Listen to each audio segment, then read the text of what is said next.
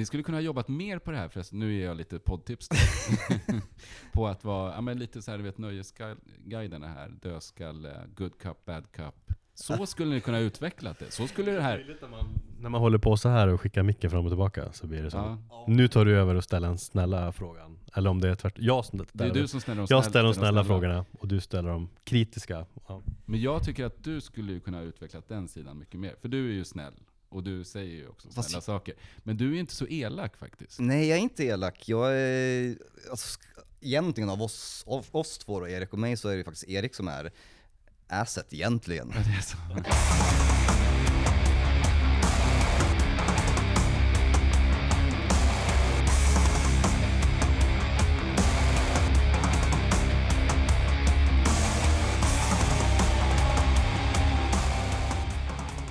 Välkommen till avsnitt 106 av Metalpodden med mig Erik och med en febrig och jävlig Thomas. Eller är det att, som du säger att du var febrig? Jag tror inte du är det, låter ju ganska fräsch ändå, eller?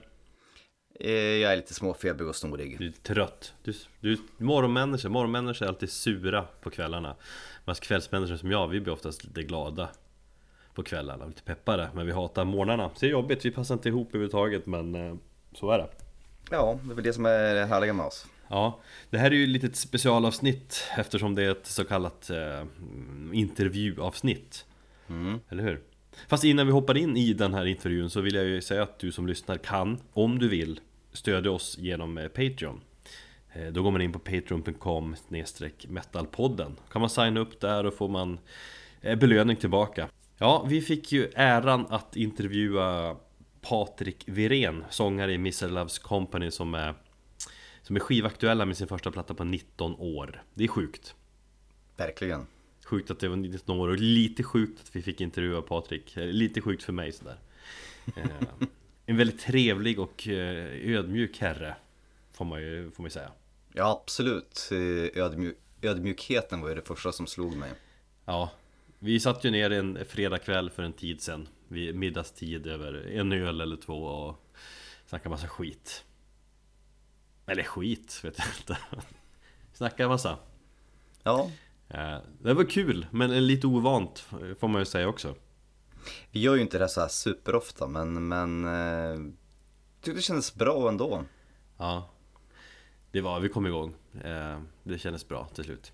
Framförallt hade vi lite, vi hade lite teknikstrul strax innan så det var lite stressigt. Vi hade, vi hade, ja, vi hade inte rätt dator riktigt och vi fick inte tre mickar att lira så vi kunde bara köra med två Vilket fick eh, konsekvensen att du och jag fick dela på en mick. Och det var lite ovanligt och vi, vi eh, Vi är ju vana att liksom babbla i munnen på varandra lite grann.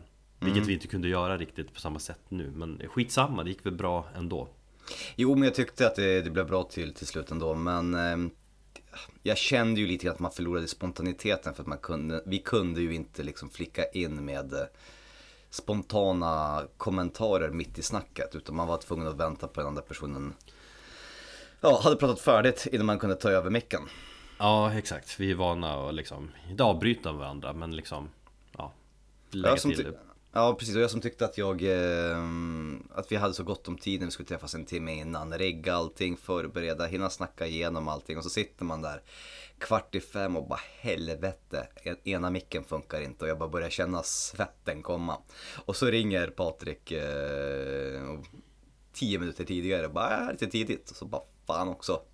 Nej, vi får köra så här helt enkelt. Ja, precis. Äh, men det gick ju bra som sagt och Patrik han är ju en han är ju vältalig här också så att, eh, och det är han som ska tala, inte vi så mycket. Vi får ju tala när vi kör sånt här. Det är bara du och jag. Precis. Eh, mer behöver vi väl inte säga egentligen utan vi kan väl hoppa in där. Ja, precis. Men vi hoppar in i intervjun och så, så får han helt enkelt tala för, för oss eller för sig själv den här gången. Eh, vi sitter här på eh? Sound Pollutions kontor. Och mitt emot oss så har vi Patrik Virén. Goddag. God dag. Hur är läget? Det är bra, tack. Hur är det själv?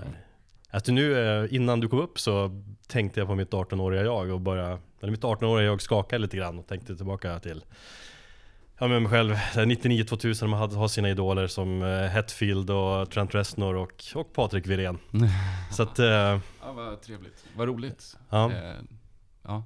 Nej men det är kanske Fast- inte är superofta man hör den. James Hetfield, Trent Reznor och Patrik Wirén. Nej det kanske inte är. Men- Nej Men jag men så gillade var det ju. lät. Jag hoppas föra det fler gånger. Jag är inte sån här äh, super text nörd eller så, men just dina texter har alltid berört mig, eller berörde mig då i alla fall, väldigt mycket. Vad glad jag blir. Eh, Tack. Så det är lite mäktigt. När, när jag kände det nu och på väg upp. Så att det är väl det som är upplägget Thomas, att jag är fanboy och du är lite, Var det du är lite journalisten här. eller vadå? Och- Gillar du inte Misery? Nej, fast det, nej, det, så har jag inte sagt. Men jag har faktiskt mitt första, vi kan ju, alltså, helt ärligt så är det ju Erik som är fanboyen här. Jag ska väl försöka upprätthålla någon form av professionalism kanske här och vara motpol. Men eh, nej, så är det väl inte. Jag vill också, jag är alltid lite, lite nervös inför intervjuer oavsett vad man gör. Jag tror att det är så här Mm. positiv nervositet som kan vara bra att ha. Nej men det, det jag tänker på, att jag har ju ett tidigt minne av Miss Sullivan Company och det är ju typ någonstans där i, i mitten av 90-talet när, när jag letade i hård- hårdrockshyllorna på, på eh, vet du, det, eh, i Västerås då, den lokala skivbutiken och så se, såg jag skiva där men jag liksom avfärdade den för den låg under så här industri. Vadå, du lyssnade inte ens? Nej, jag gjorde inte. på den Ja, tänkte, jag, jag, "Det jag, har liksom, jag har en jag." flashback av, av, av omslaget, men hur jag bara liksom avfärdade det för att det var så jävla viktigt att, att, att lyssna på rätt musik då. Och då var jag inne på döds och sånt där. Så att, ehm, Var det den första skivan? det med, med blåa omslaget, eller mörk, mörkare omslag, jag minns Ja, faktiskt de inte. första två är ju egentligen lite blåaktiga, Ja, eller? Är de inte det? jag kan faktiskt inte minnas vilken skiva det var, men det Kanske var var, den andra? Not det like them? det- jag tror det kan ha varit den faktiskt. Ja. Så att, eh, nej men då var det så här, nej vad fan, jag är inte, det här det ska vara dödsmetall liksom. Så att, eh, det får jag be om ursäkt för, så kanske så här 19 år senare så kanske man känner sig lite, Jag Lite mer- ursäktad, helt klart. tack. Men eh, via den här podden, och Erik har ju pratat varmt om Miss Loves Company och precis som du säger Erik att eh, texterna betyder väldigt mycket så vi triggar ju varandra på det sättet att när jag pratar om någonting så, så blir han intresserad av att kolla upp det. Och på samma sätt så har jag kollat upp Miss Loves Company efter, efter det avsnittet vi hade om, om dig och om bandet och hur mycket det har betytt för Erik. Men eh, om vi säger så här om vi, om vi börjar i början egentligen. eh, Alltså hur känns det att vara tillbaka efter 19 år? Eh, det säger så. känns jättebra. Det, det gör det verkligen. Det är någonting som, som har saknats Mm. i mitt liv. Och i de andras också. Mm. Eh, så det, det gör det verkligen. Tack och lov. Det hade varit väldigt tråkigt annars. Eh, nej men det, så det är bara att hoppas den här, att den här känslan håller i sig. Men, men eh, vi är jäkligt taggade och det känns fint att det får, får en del i, i våra liv igen. Trodde ni själva att ni skulle återförenas? Alltså, När vi la ner, 2000? ja, Eller? Eh, nej, nej. Det, det gjorde inte jag i alla fall. ni var klara med det Ja. hela. Och varför Det- blev det en, en återförening just nu? Alltså den smög sig på lite grann. Vi, eh, jag och Örjan sågs några år senare. Vi hade liksom inte så mycket kontakt när vi bröt upp. Men så sågs vi i något sammanhang och så var det lite så här. Ja, men ska vi inte gå ner i studion och skriva en låt? 2005 var det. Då skrev Mm. vi första låten till den här skivan som släpps snart. eh, så vi, vi gick ner i studion och skrev en låt. Och sen så gick det väl något år eller två igen och så blev det så här att vi ramlade in i varandra. Eh, och skrev någon låt till. Och eh, sen så, ja men sen så började det bara bli mer och mer sådär att det växlade upp allt mer och vi skrev fler låtar och eh, varför jag, nej men jag, jag antar bara att vi saknade det. Mm. Att det var någonting som vi, vi ville göra igen. Och sen kom ni tillbaka officiellt 2016 med buller och bång med lite spelningar och, Ja, och så. ja precis. Eh, det tog ju lite tid. Allting har ju tagit sjukt lång tid. Alltså, Mm. Det var ju 19 år sedan förra skivan och det har ju ändå gått tre år sedan vi kom tillbaka. För då fick man känslan av att, som ni sa, att ni hade redan skrivit ganska många låtar och sådär, att ni skulle Mm. bara skriva en skiva. Men det har ändå tagit sagt tre år. Ja, exakt. Och jag vet inte hur, hur det här går till. Men det är, aj, allting tar väldigt lång tid för oss. Men jag tror att då, eh, 2016, ja, vi kände nog att vi hade ett gäng låtar, att vi var rätt, rätt redo att spela in en skiva. Men, men det var någonting i, ja hur gör man det då? Eh, liksom, allting var ju så väldigt annorlunda. Förr så gick vi till ett skivbolag och så fick man ett sorts traditionellt skivkontrakt och tog det därifrån. Den här gången var det lite mer så här, ja vi kanske ska göra det själva eller ska vi hitta någon annan sorts avtal kanske där vi inte eh, ger mastern till någon annan. Um, så det, ja, det var väl sådana saker och ja, det, det tog tid bara. Så det känns rätt skönt att den nu till slut ska släppas. För det vi pratade om när jag var nere och hämtade dig där nere vid, vid hissen så så sa jag så här, men hur länge har du jobbat här? Och så tänkte jag, ett av mina första minnen från när jag började på Sound Pollution var faktiskt en förfrågan från er om att ni skulle släppa ny musik. Mm. Och då var det så wow. Mm. Och så sitter vi här nu. Det här var ju nästan exakt tre år sedan. Så att det har ju verkligen tagit sin, sin tid. Det kanske, det kanske behövdes. Ja, det kanske det gjorde. Ehm, ja, men det, precis. Det är ju lite konstigt att vi hade kontakt redan då. Och sen så vi har tagit någon sorts enorm omväg och sen Mm. gått tillbaka igen. Men jag tror i det skedet så var vi nog fortfarande ganska osäkra. Så vi fortsatte att släppa låtar på egen hand. Just det. Mm. Ehm, men eh, men nu, nu känns ju allting jäkligt bra. Det känns Mm. skönt att inte... Ja, men att det finns ett datum, skivan är klar och nu är vi här på riktigt.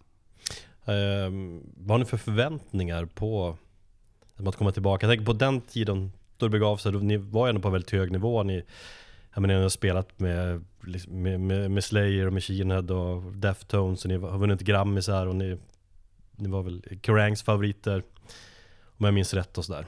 Mm. Ehm, Jag vet inte, jag, jag tror under de här åren som vi har släppt låtar själva så, här, så har vi nog eh, ja, men fått en hyggligt så här, realistisk syn på, på hur det ligger till. Och jag tror att det är rätt mycket så att vi, vi måste bevisa oss här och nu. Vi kan inte leva så mycket på gamla meriter. nej. Det finns ju en del band som liksom lägger av och sen så höjs deras status så att det blir någonting som många upptäcker under tiden de är borta och så kommer de tillbaka och så plötsligt är de tio gånger så stora som de var under sin, sin tid som verksamma. Liksom. Mm. Men så är det ju inte för oss. Vi har, vi har en liten, vi har en publik liksom. Det finns sådana som, som du. Eh, men det är inte supermånga tror jag ändå. Och det tar tid innan folk, att få folk att förstå att vi faktiskt finns. Mm. Jag får hela tiden de reaktionerna. Fortfarande, tre år senare så är det någon som skriver att Åh, är ni tillbaka? Jag hade ingen aning. Och ska ni släppa något? Så att det, ja, det är inte som att vi glider fram på en räkmacka riktigt. Nej, okej. Jag tycker det är härligt att ni släpper nytt material. Det är många sådana här som återförenas och Rage Against Machine var tillbaka nu men de släpper ju aldrig någonting nytt. Eller System of a Down släpper ju inget nytt och det är många sådana band som gör de återföreningsgrejerna men inte har något nytt material. Det, Mm. det är lite tråkigt. Ja, eh, vi började ju verkligen i andra änden lite grann. med- med att vi började med att skriva låtar. Det var det som var drivkraften. Det var liksom där vi... Det fanns inga förfrågningar från några festivaler eller någonting sånt där. Ingen visste ju överhuvudtaget att vi gjorde det. Det var ju bara jag och Örjan. Och sen då kom Michael Hahn in också. Eh, så att det var... Nej, det var verkligen inte den, av den anledningen. Vi längtade inte framförallt efter att spela de gamla låtarna. Utan vi, vi ville skriva, skriva låtar. Mm. Det var där det startade. Jag tänker ju att många band som kommer tillbaka efter en tids uppehåll också, som du själv säger, har ju stora förväntningar och, och, och ska på något sätt leverera. Mm. Medan så som du beskriver det så har du, ni har mest bara fått få verka lite i lugn och ro Mm. och låtit det liksom växa fram. Mm. Det måste vara ganska skönt att inte ha den, den pressen kanske. Ja, fast sen så tror jag att det kom till en tidpunkt där man kanske längtade efter åtminstone en press i form av en deadline. Eller utifrån att det fanns någon utanför vår, Mm. den här trion liksom som, som eh, förväntade sig att någonting skulle dyka upp. Så det var, ju- det var ju liksom först när vi egentligen eh, skrev under för Black Lodge och Sound Pollution att det, att det då blev på, på allvar och på riktigt på något sätt. Mm. För det är någonting i det där att ja, men det kan ju gå hur mycket tid som helst annars. Vi skulle ju säkert kunna fortsätta sitta tre år till och bara skriva nya låtar och liksom, eller förfina det vi har och så vidare. Så det, var, Mm. det var också rätt skönt att visst, vi hade en lång tid på oss. En startsträcka då, vi var, då det bara var, var vi. Ehm, men också rätt skönt att, att liksom komma till skott och kunna Mm. gå vidare. Mm. Jag tänkte på själva skivtiteln för den kommande skivan är ju Zero. Och det ska på något sätt eh, markera en, eh, att ni börjar om från noll. Om jag har uppfattat det rätt. Ja, ehm, ja precis. Sanning med modifikation att vi All gör right. det. Men, men det, var ju, det, det är ju det som titeln fångar och Mm. det är väl mycket det vi har pratat om nu egentligen också. Att det finns inte så mycket tanke på förväntningar från, från världen utanför eller, eller så mycket um, vi pratar liksom inte om hur låter det här jämfört med det tidigare, hur ska folk reagera på det här och så vidare. Utan vi ser det nog väldigt mycket som att det är verkligen här och nu och det är en det finns en möjlighet att vi kan, vi kan vara precis det vi, det vi vill vara. Mm. Sen med det sagt så landar vi ju ändå i det som är Mr. Loves Company. Det är inte som att den här skivan är någonting helt annat än Eurovision was never mine to share. Ja, just det. Ehm, som jag tror var den skivan där vi verkligen kanske hittade mm, det som var vi. Mm. Mer hittade en personlighet i, i vårt uttryck. Men eh, tittandes på dig själv nu och 19 år tidigare, hur, hur, liksom, hur känner du själv att du är liksom, i själva, om man ska säga det, Misery Loves fucket? Hur, hur känner du att du själv är som person? Det är ändå en Eh. hel del år som har passerat. Ja, alltså det är klart alla har ju alla har väl förändrats och, och alltså 19 år det är en lång tid. Men i det här sammanhanget så känns det ändå som att där gled vi, gled vi rätt fort in i där vi var. Vi bara fortsatte. Alltså, jag minns första repet inför första spelningen och sådär. Att, att jag, ja, men jag hade nog lite noja inför hur det skulle kännas och sjunga de där gamla låtarna igen. Och, och lite orolig kanske, men, men det, var, det föll sig otroligt naturligt. Det är som att den här, den här miljön, oavsett vad som har skett runt omkring och hur vi, allt vi har gått igenom som människor och utvecklats och så vidare, så, så är det där eh, utrymmet som Mystery Loves Company är, där, där är det liksom intakt på något sätt. Det är inte så stor skillnad. Tiden i, när vi går in i replokalen så är det verkligen inte känslan av att det har gått 19 år, utan snarare 19 timmar kanske. Men då har ni ju ändå ett liksom, nytt band när ni har liksom en kille som Jörgen på bas och Mm. så det måste ju kännas nytt på det sättet också. Ja, precis. Det var Eh, samma band fast det ändå inte riktigt. Nej, men vi hade också ett nytt band med varje skiva Mm. egentligen, när vi spelade live.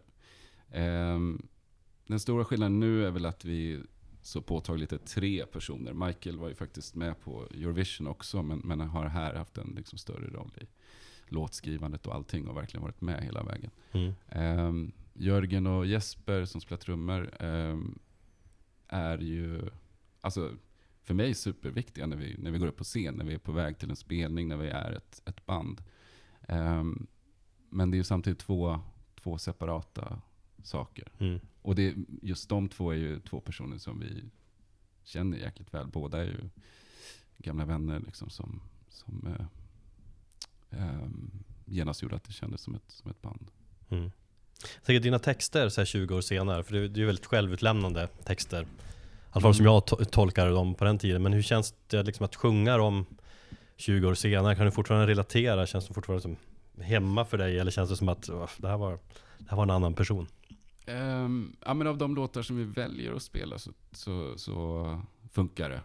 Uh, alldeles utmärkt. Sen kanske det finns här låtar på, på skivorna, på första skivan och så här som, som man kanske inte tycker är så här hundra riktigt. Men, men, ehm, nej, men jag tycker de flesta funkar. De Mm. har åldrats med hygglig, hygglig värdighet. Åtminstone, ja, Eurovision-skivan känns hyggligt nära det, är det, som vi, det som jag skriver idag också. Egentligen. Varje gång du säger Eurovision, då tänker jag på Eurovision. Låt- Har inte ni pratat om jo, det har vi pratat om. Ja, det, det, det, ska ni prata om det nu igen? Ja, men gör det då. Prata om ja, det. precis. Eh, ja, precis. Eurovision, nej, men det är väl det jag tänker på. Vi har skäm- vi har skämtat om det. Jag ska börja säga hela titeln nu så att Ja, jag slipper missförstånd. Jag Jag- pratar alltså inte om Eurovi- Eurovision Contest. nej precis. För, för lyssnare så är det alltså your vision. Was Exakt. never mine to share. Mm. Jag själv som är ju, för mig så är texter i musik otroligt viktigt. Kanske inte det som betyder allt, speciellt inte om man som jag som 16-åring lyssnade på, på Splatterdöds och Cannibal Corpse så var det inte så viktigt. Men mycket som, som fick mig att, gilla Mr. Loves Company senare, alltså i vuxen ålder, idag, var ju när Erik just berättade om hur mycket texterna betydde för honom.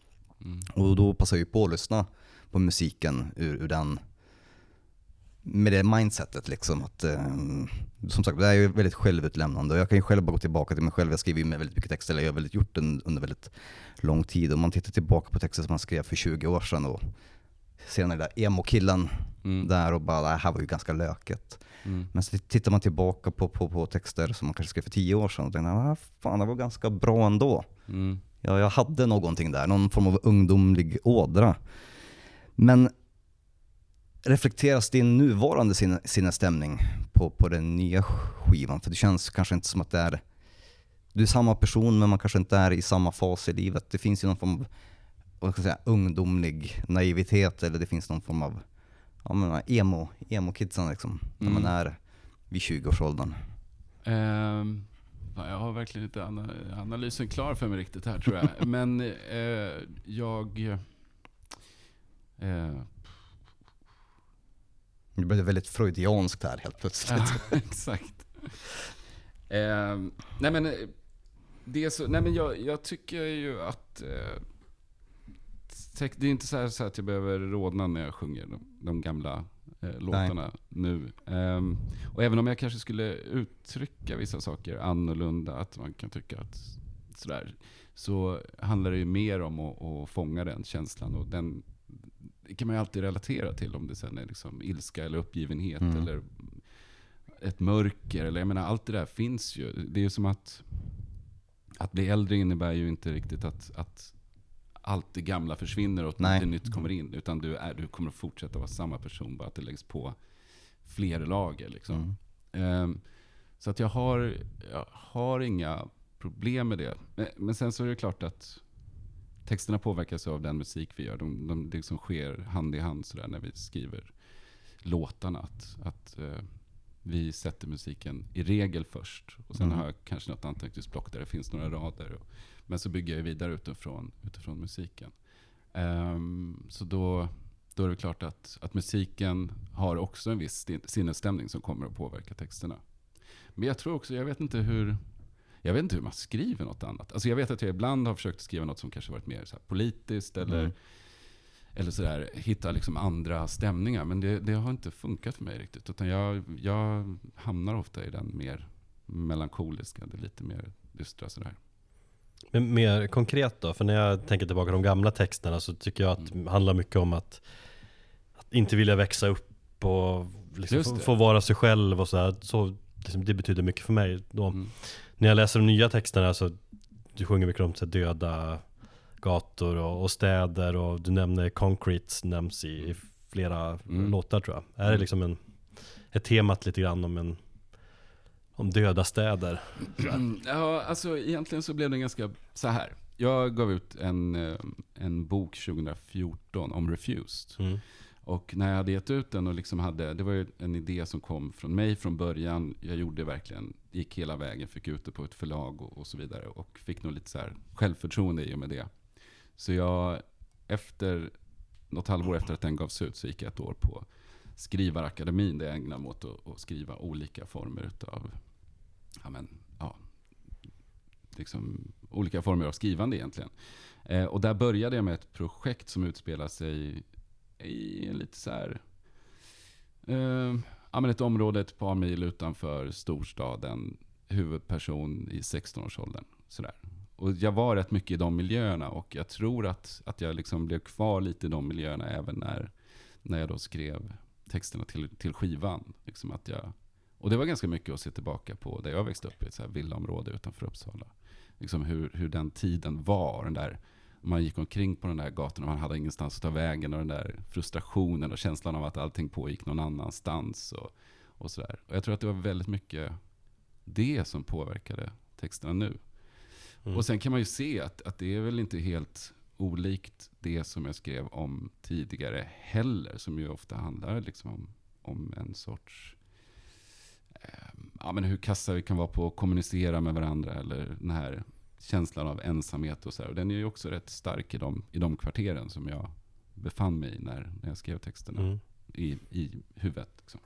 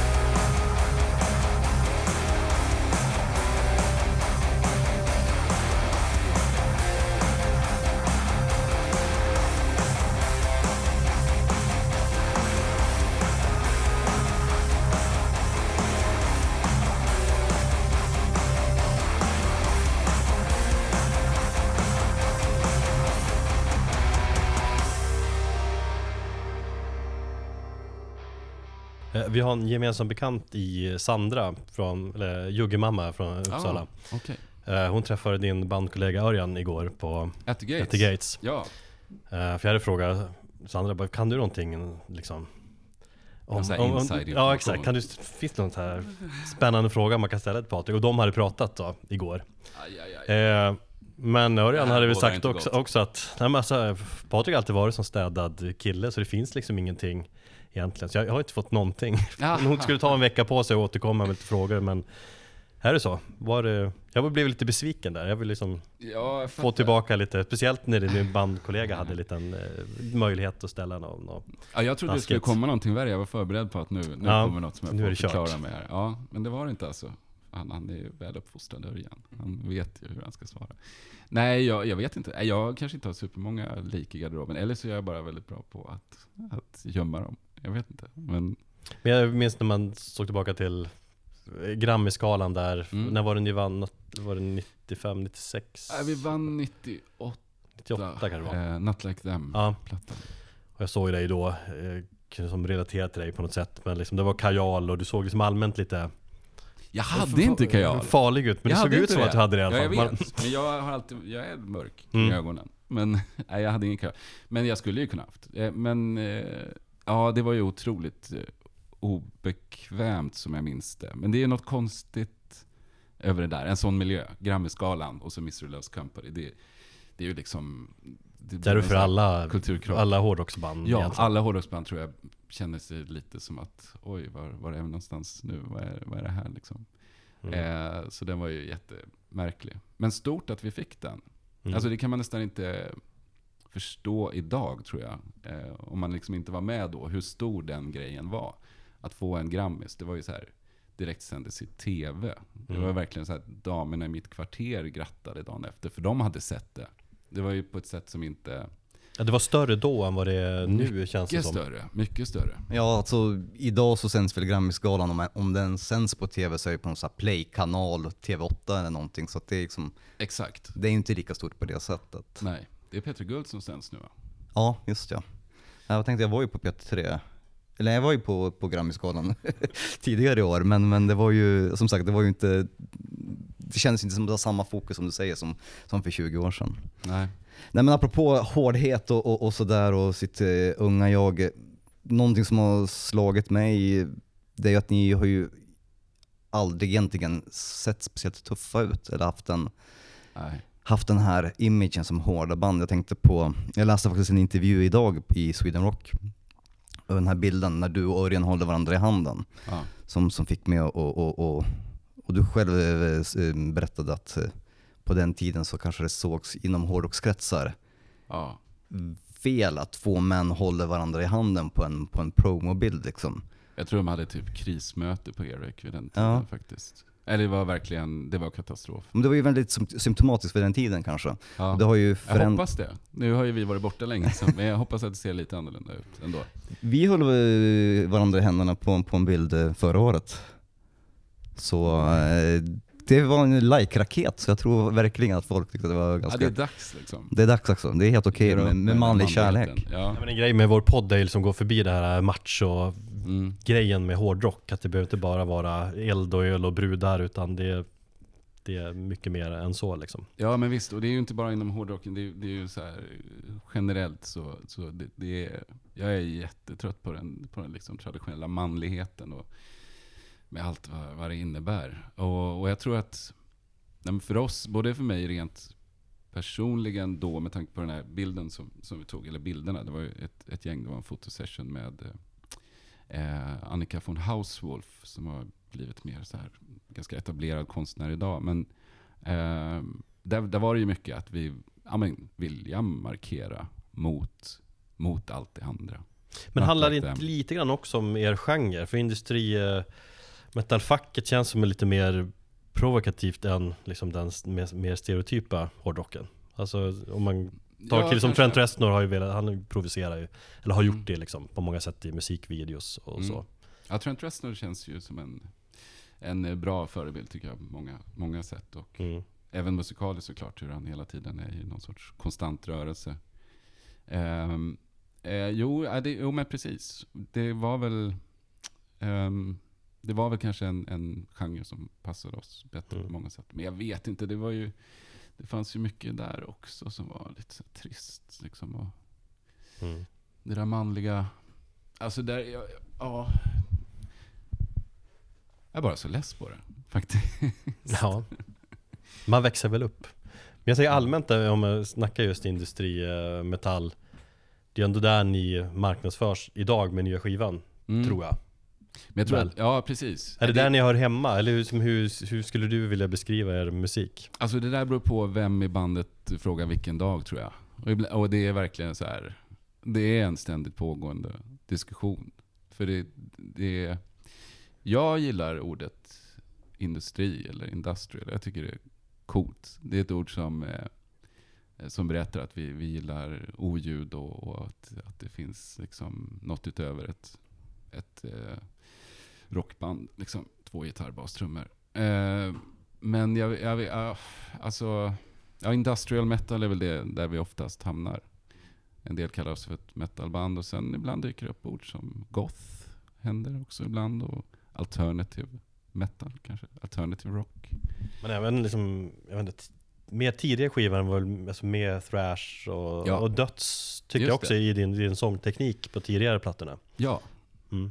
Eh, ja absolut. Ja, men där kan man ju se en, en utveckling verkligen från, från första skivan. Mm. Vi rör oss liksom bort från den, den grejen. Jag tror att, men jag tror att det hade med mod att göra faktiskt.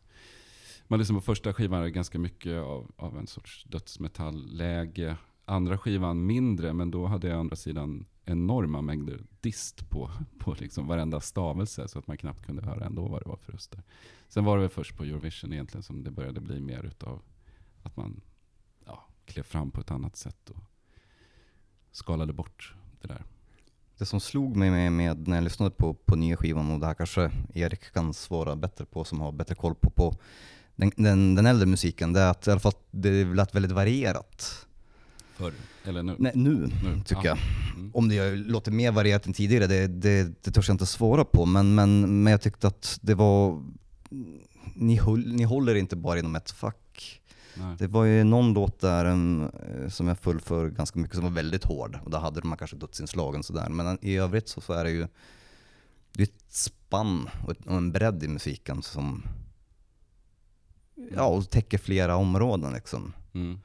Och jag tänker ni har gjort eh, en del covers Mm. och ni gjorde en cover på eh, Only Happy When It Rains med Garbage.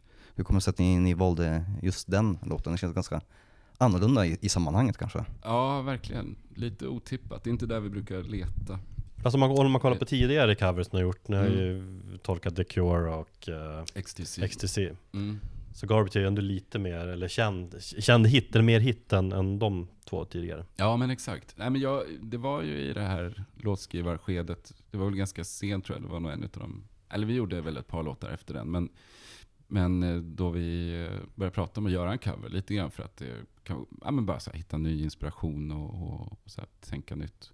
Mm. Och då, eh, Garbage och en gammal hit från 90-talet är kanske inte liksom den riktning vi brukar rusa åt, utan snarare kanske då det där, både XTC och Cure någonstans sådär tidigare 80-talet, postpunk-grejen sådär. Ehm, men, eh, nej, men vid något tillfälle så nämnde någon den här låten, jag tror att det var Örjan, och, och vi kände väl att det skulle kunna, vi skulle kunna översätta den till Mystery Loves Company och eh, göra den till vår egen. Och Mm. vi gillar låten. Liksom.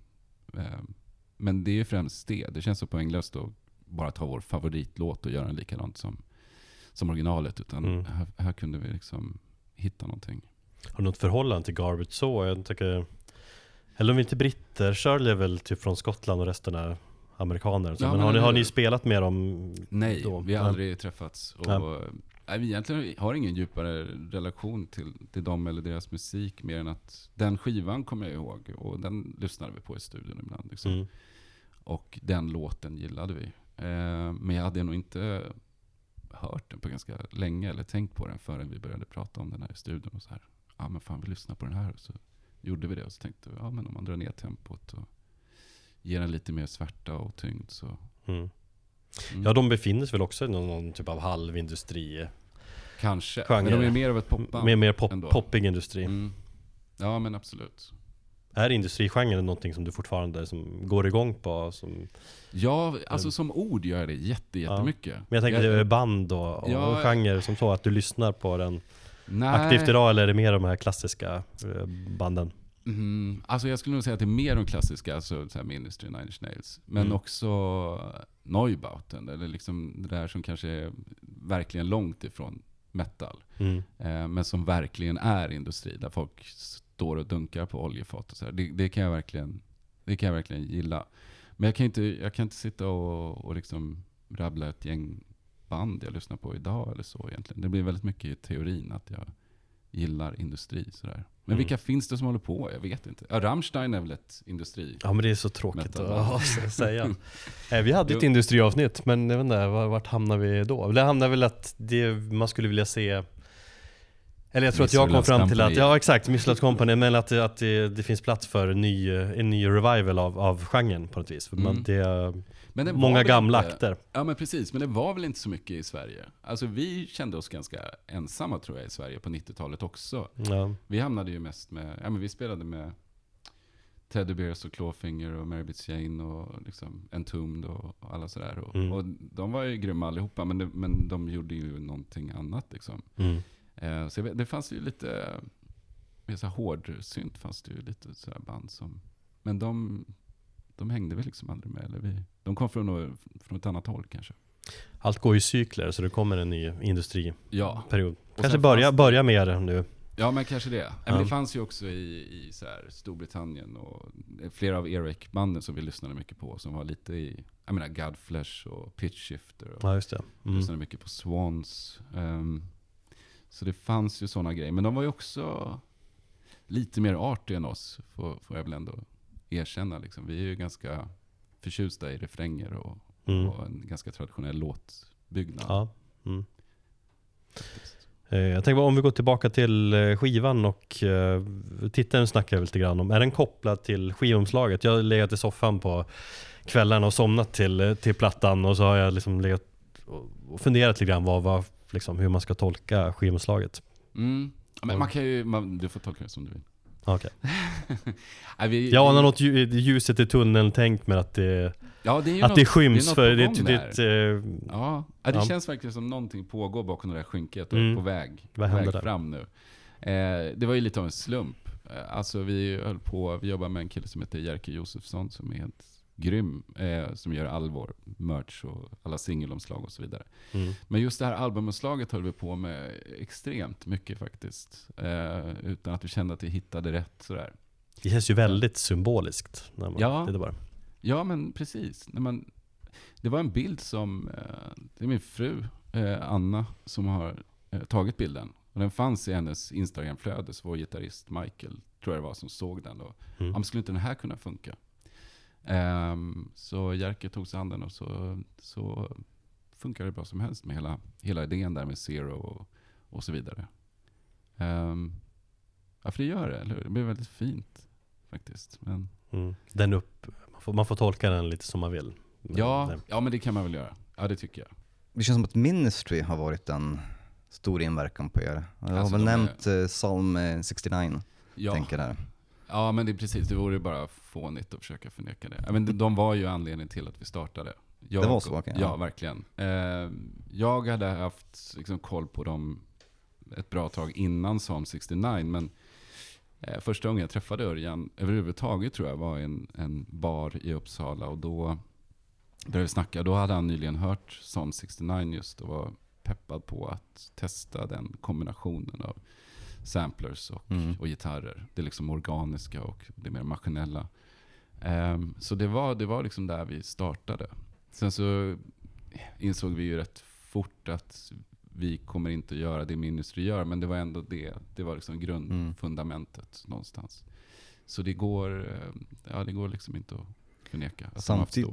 Samtidigt så känns ju inte Ministry kanske lika artsy som de här andra industribanden, utan det känns mer som att det typ rakt på sak och, och så. Mm. Säger jag som har jättedålig koll på Ministry liksom. Så att, men eh, det var i alla fall en tanke som slog mig. Ja, nej men det, det kanske de är. Ja men just där och då var de ju, de fick ju en, ett rätt, rätt så brett genombrott med en, låt som Jesus Built My Heart Rose som alla, alla älskade. Liksom. Eh, så ja men det, jo men det kanske är, det är nog riktigt. Speciellt för en metalpublik tror jag att de är lättare att ta, sig, ta till sig. De spelar ju ofta på metalfestivaler och, och Mm. det är ganska, ganska underhållande band.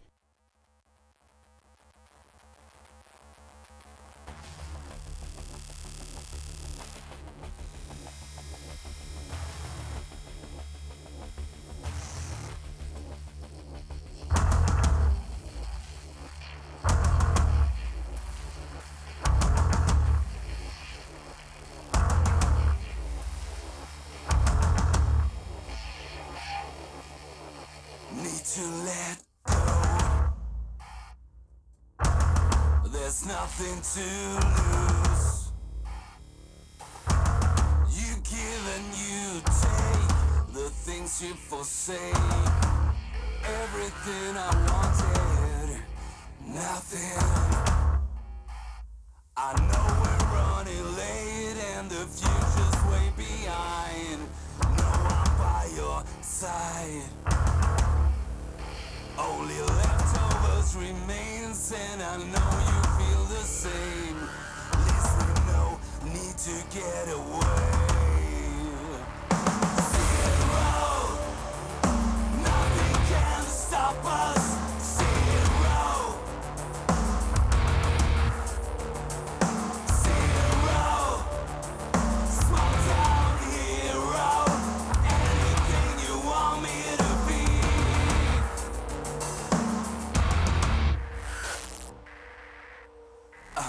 Ambition is low as the fences grow high. If I can be anything, then why am I the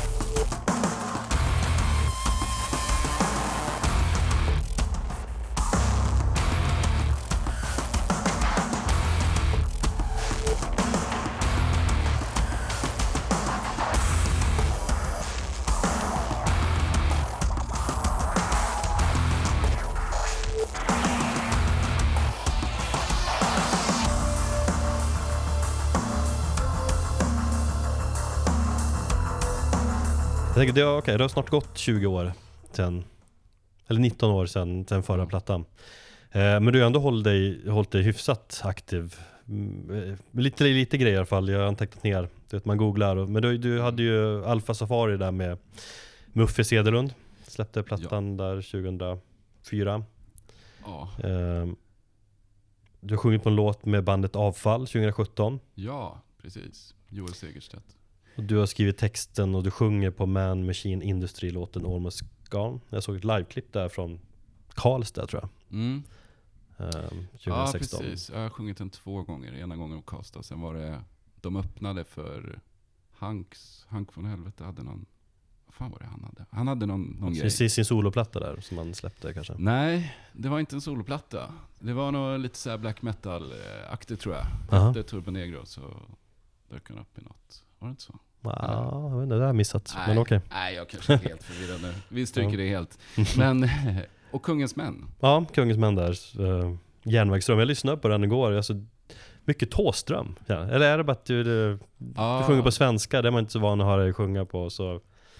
Ehm, Mm. Nej, alltså den inspelningen var ju väldigt eh, speciell för, för mig. För Mhm. det var, Kungens Män gör allting helt improviserat, 100%. Ja.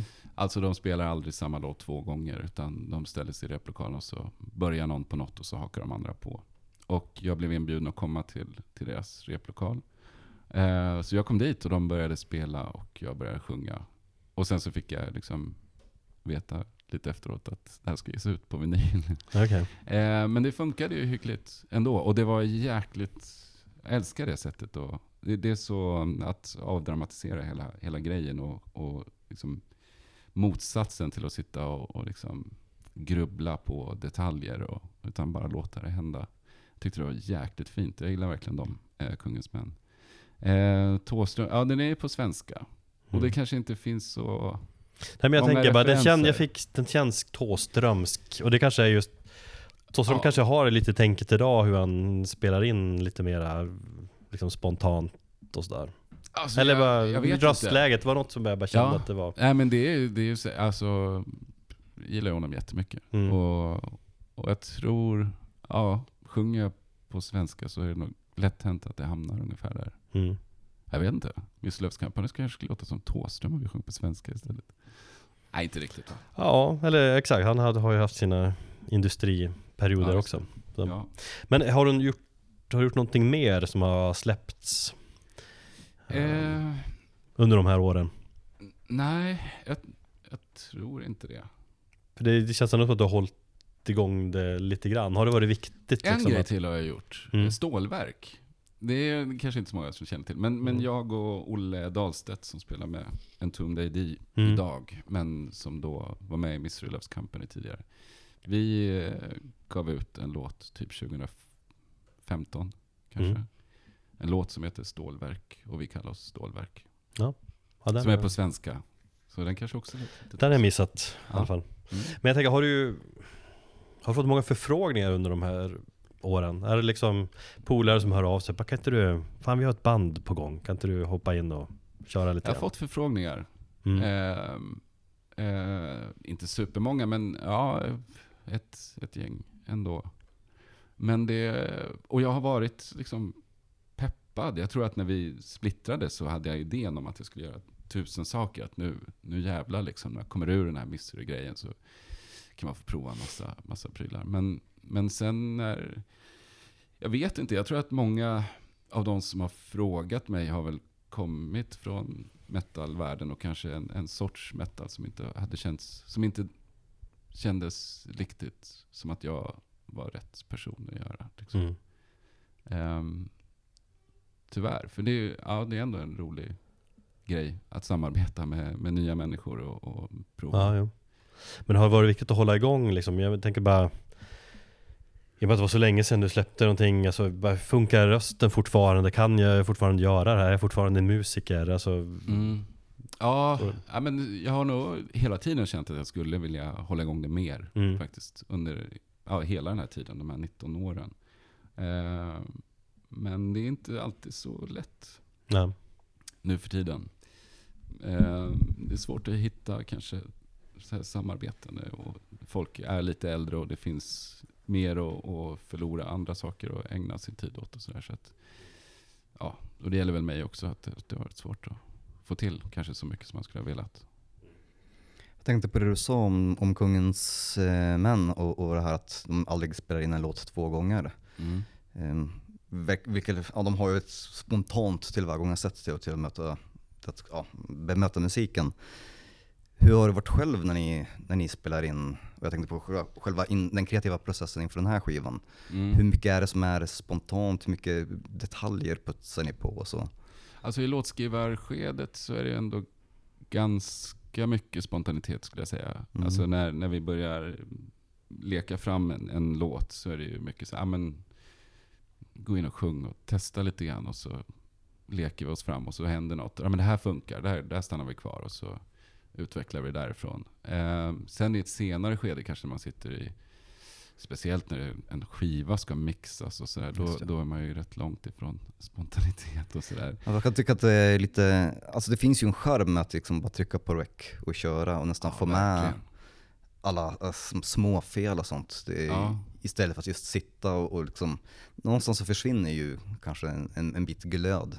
När man Det är sitter på absolut, detalj. ja. Nej men det är alltid en, alltid en eh, risk liksom. Mm. Samtidigt som jag kan känna ibland när jag har varit väldigt, gjort saker ganska kvickt och, och gett ut det så att så är man det efteråt så kanske man kan känna att fan, hade man lagt lite mer tid på det där så skulle det kunna blivit någonting bättre. Så så kan det ju vara också. Mm. Men, eh, men det var ja, otroligt häftigt för mig att, att inse att det, att det funkar att improvisera fram någonting och att det, att det får vara så. Mm. Att, det- och att det liksom blev rätt okej. Det händer ibland att någon, någon är på mig och säger Fan den är grym den här låten. Och den, den hände ju bara. Det fanns ju inte en tanke. Det var ju bara där och då. Mm. Ehm, ja, det är ju superhäftigt. Verkligen. Du sa att eh, den första låten till den här skivan skrevs redan 2005. Mm. Och sen så första singeln, Would You, den kom ju också för ett tag sedan va? Jag minns inte exakt när. Ja, 2017. Så var det, ja. Mm. Just ja. Och sen så har resten av skivan tillkommit under en relativt kort process därifrån. Ja, Eller? det är några år ändå. Ja, det är, ja, jo det är det absolut. Men, Så för, jag vet inte. Ja, jo. Eh, nej, men egentligen var det väl i år som det blev sådär. ja, vi bestämde oss väl i slutet av förra, eller så här att ja, men de här dagarna ska vi, ska vi liksom vara i studion och jobba med sången de här dagarna och så vidare. Och vi bokade tid för mix Mm. i, i Göteborg hos eh, Roberto Laggi. Ehm, men eh, så innan dess, ja, det, det var ju rätt utdraget liksom. Det, det var det. Och ä- även i år så tillkom det liksom grejer att vi skrev någon låt. Och så här.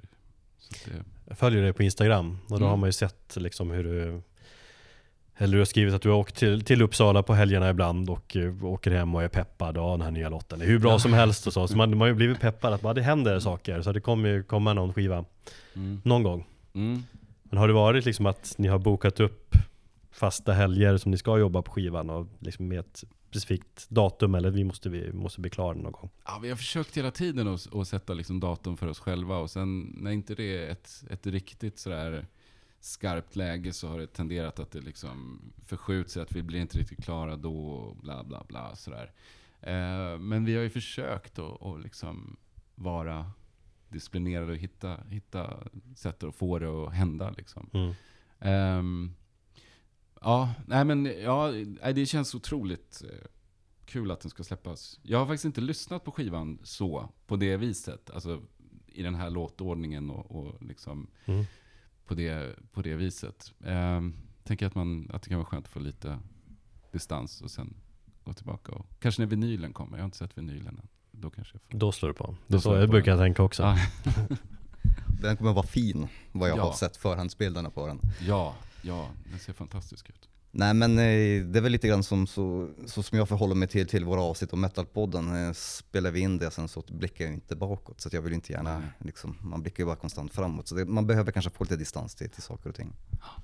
Om blickar framåt nu när ni släpper skivan och så ska ni spela med Katatonia någon vecka efteråt Ja, på Kraken är det va? ja, ja. Eh, Din livepersonlighet tycker jag är ganska intressant. För Mm. jag tror vi båda har sett, både jag och Thomas har sett er live två gånger sedan återföreningen där. Dels i Gävle, en av Ja. era första spelningar och så sen på Fryshuset något år efteråt. Mm. Eh, för då tänkte jag, okej här kommer Patrik Wirén då, min, min stora idol i kavaj, ja han verkar vara ganska städad kille. Och så sen några låtar in på spelningen så skallar du själv med, med micken och grejer. Eh, Mm. Kommer det naturligt? Det, det är live-jaget att Eller kände du efteråt, fan, vad, vad gör jag? Eller är det du lever i nuet liksom? Eh, ja, alltså jag, ehm, ja, men det, det är ju i alla fall målet någonstans. Att, att kliva rakt in i musiken. Att, att Mm. verkligen vara en del av den, rent fysiskt. Eh, och det, ibland hamnar jag där. Och ibland så går det så här, kanske lite överstyr. Det, alltså det är inte så snyggt att ha så märken i pannan efter en spelning. Men, men eh, Jag träffade ju dig efteråt då, vi har någon, någon bild där jag håller om lite grann upp och så här. Ah, just Eh. Ja, nu, ja, jag kommer ihåg. och så när jag, Men jag kollar på den bilden så har, har du ju märken i pannan. Eh, det är inte så och- snyggt alltså. Jag träffade Scott Kelly i Neurosis, jag tror de spelade var typ 2006 på The Base Medis. Han gjorde Mm. samma sak. Att på slutet så, så stod han och skallade micken. Och jag frågade honom, "Vad- varför gjorde du, vad, vad hände där? Att han började blöja grejer. Jag bara, I, I have no idea man. Nej. Just happened. Så, så Nej, det jag låter att... så här, här sitter vi helt sansade vid ett bord och, och så här pratar om något. Det låter ju jättekonstigt. Mm. Alltså var, varför skulle man göra det? Men, men, men ja, där och då så, så är det inte konstigt. Då är det bara någonting som, som händer. När du sitter och pratar i sån här uh, Shure SM 58 mick. Du blir, känner du att det här måste, jag måste skalla? Ja, lite sugen blir jag faktiskt. Så, Ja. ja, mer att slå sönder den faktiskt. Jag tycker om Mm. att slå sönder mikrofoner. Hellre mot bord och, och golv och så, hellre än min panna faktiskt. Men, eh, ja, nej men den, den, den får vara. Den får vara. Ja, det blir så kostsamt annars. Jag tänker att det är ju kanske att ja, man, det blir någonting spontant om man är, man är fast i, i själva stundens hetta. Och så Mm. bara händer det. Ja, Det är ju så mycket, och speciellt nu när det har gått så Gävlespelningen, herregud vi har ju, vi hade inte spelat på hur länge som helst. Även om jag har gjort enstaka spelningar, Kungsmän några gånger och Alfa Safari var väl några gigs och sådär. Så eh, det hade ju byggts upp så sjukt mycket tror jag. Alltså, Mm. och, och mycket pepp. Ehm, jag vet inte om jag skulle kalla det nervositet, för det är inte riktigt det. Men det, men det är nog, eh, det påminner lite grann, tror jag, i, utifrån i alla fall. Att, att, att man vankar av varandra och, och liksom går inte att, att, att nå. Eh, och jag tror just att det har gått så lång tid, då kanske det blev, ja men då kanske det är lätt att den här explosionen blir ännu, ännu starkare. Vi får se om det blir någon fler mixgallningar än när ni kommer vara sport Det är tråkigt om folk förväntar sig och för sig bara, ja men där, får se nu då om man... Ja. Nej, det är Ja, ingen precis. freakshow, Känn alltså, det pressen. tänker jag inte bjussa på. Då, då får jag försöka sluta med det där. Jag tänker på eh, din eh, journalistkarriär. Eh, Du har ju eh, skrivit för flera stora svenska tidningar. Gaffa, Close-Up, Metro och sådär. Jag har ju själv en eh, musik, eller vad säger jag, journalistkarriär i både Close-Up och Gaffa Mm. tidigare. Ehm, är det någonting som du har tanke på att fortsätta framöver? Eller är det liksom skrivandet och journalistiken, är det någonting, jag tänkte efter boken om, om Refused, var det liksom toppen? Och nu kan jag lägga av? Nej. Nej, jag såg det nog som en början. Okej, mm. Eh, Men sen har det inte fått någon fortsättning riktigt. Och den där boken som jag, som jag berättade om, som, som, eh, som jag tror påverkade texterna till den här skivan mycket, den, den har ju inte blivit något Nej. riktigt. Den hamnade i en, en skrivbordslåda, sådär klassiskt. Eh, men jag, nej, jag gillar idén att, att, grotta ner mig i något ämne och få, få ge det lite större... Jag minns när jag in, intervjuade Fredrik Strage för mitt eh, skolarbete på Journalisthögskolan. Och han sa att han hade skrivit eh, boken Fans, Mm. som blev hans stora hit. Ehm, men han hade skrivit den tio år för tidigt och han grämde sig lite grann över det. Jag tänkte, vad fan ska jag göra nu då? Jag har, liksom, jag har pikat alldeles för tidigt, så jag tänkte om det kanske var någonting sånt. Aha, nej, nej fan så känner jag inte. Eh, jag, är pepp, jag är peppad att göra fler skrivprojekt. Men de måste ju vara, det är så otroligt tidskrävande. Det är ju någonting som, som tar eh, enormt mycket eh, tid och eh, kraft. Så att det måste ju bara vara så att den där idén dyker upp som du sen inte kan släppa utan den här måste slutföras. Och den har inte riktigt gjort det. Men eh, jag, gillar, jag gillar tanken på på att ha någon sorts skrivande igång hela tiden. Mm.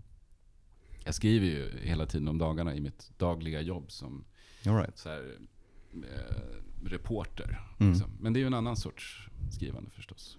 Men finns det någonting, Men en podd vore ju grejen alltså. Det har jag tänkt lite på på sistone. Det här är väl rätt nice, är det inte det? jag känner personligen att det här, det kreativa som, som i alla fall jag får göra i, i podden, det har tagit över min skrivarlusta på det sättet. Jag, jag har alltid haft ett behov av att ut- uttrycka mig i skrift. Mm. Ehm, sen så kom jag till en, en, liksom, ett skede i livet där jag kände att jag kan inte utveckla mig så mycket mer. Jag har liksom gjort de där texterna som, som jag är liksom ganska nöjd över. Vad är nästa steg? Och sen så kom det här lite, lite naturligt. Mm. Så här får jag istället briljera tänkte jag säga. Alltså podcast är ju mer spontant och det Ja. tar inte lika mycket tid. Det Nej. har man ju förstått. Nu jag, jag har ingen journalistkarriär bakom mig som, som är, ni har, men det, hoppas skriva och redigera och ta sån, ta sån jävla tid känns som. Ja men verkligen. Mardröm att göra ett sånt här samtal. Så här många minuter som sen ska överföras till, till text. Det är ju enormt tråkigt. Mm. Nej, det vore skönt att slippa det, det Ja. steget. Någonting jag tänkte på när jag hörde nya skivan att jag hörde, det- man hör ju direkt att det är du eh, som sjunger. Din sång känns väldigt karaktäristisk, eller så här bara att jag har lyssnat så mycket på Misery tidigare för 20 år sedan men eh, Har du några speciella influenser eller eh, liksom förebilder inom ja, alltså sångare som, Eh, som har skapat din, din sångstil på något vis? För den har ju samtidigt förändrats lite grann också som vi var inne på under Mm. åren. Eh, fan svår fråga. Alltså det finns ju supermånga sångare som jag verkligen tycker om jätte, jättemycket. Mm. Eh, det är svårt att säga att, att det skulle ha varit liksom en sångare. Det är snarare så när vi håller på med en låt så kan det vara så att, att det dyker upp så referenser till ja, men hur den där sångaren uttryckte sig i den låten. Så här, det var rätt coolt. Kan jag liksom hitta, hitta någonting där eller, eh, eller sådär. Eh, jag önskar att jag kunde ge något så spikrakt svar bara. Att ja, men Mm. det här här är liksom sångaren som... Ja, men det är så härligt att ha en favoritsångare som kommer Ja. tillbaka efter så lång tid och man känner att Ja men just det, fan den här rösten har jag saknat. Ja, Den här, vad fint.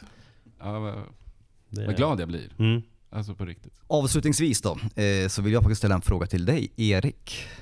När du sitter här 19 år senare och har, sitter öga mot öga med en idol och en förebild och någon som har betytt väldigt mycket under en uppväxt. Det är någonting som du kanske inte trodde för 19 år sedan. Hur känns det? Eh, Det känns bra. Nej men det kändes eh, plötsligt lite jobbigt som sagt när du var på väg upp genom hissen. Då kände jag att jag nästan började skaka lite grann. Men sen kom du hit så har vi snackat lite innan och så har vi snackat nu en timme. Så att, eh, att du är bara en människa du också Patrik. Nej men det är ju det där avståndet att det verkligen är 20 år så att hade det varit, hade jag varit 19, 18-19 år så hade det varit eh, Då hade det varit skakigare. Du skötte det exemplariskt. Tack. Måste jag säga. Lycka till med, eh, med släppet av, av eh, Zero. Kommer den eh, 29 november. Ja, vi kommer ju till Sound Pollution, deras butik, Gamla stan. Eh, då, utgivningsdatum den 29. Och signerar skivan mellan Mm. 5 och 6. Och det vore ju superkul om någon, om någon ville komma. Så ja, Ja men ni släppte väl eventet typ idag eller? Ja. Så det var väl Precis. några intresserade såg jag. ja nej men det vore ju roligt om någon, vi känner ju folk också, de kan väl, de kan väl komma förbi. Ja. Fem är också lite efter jobbet sådär. Mm. Så jag hoppas, hoppas vi ses där. Och så ses vi på Kraken. Ja, det blir grymt. Det blir grymt. Tack Patrik. Tack själva.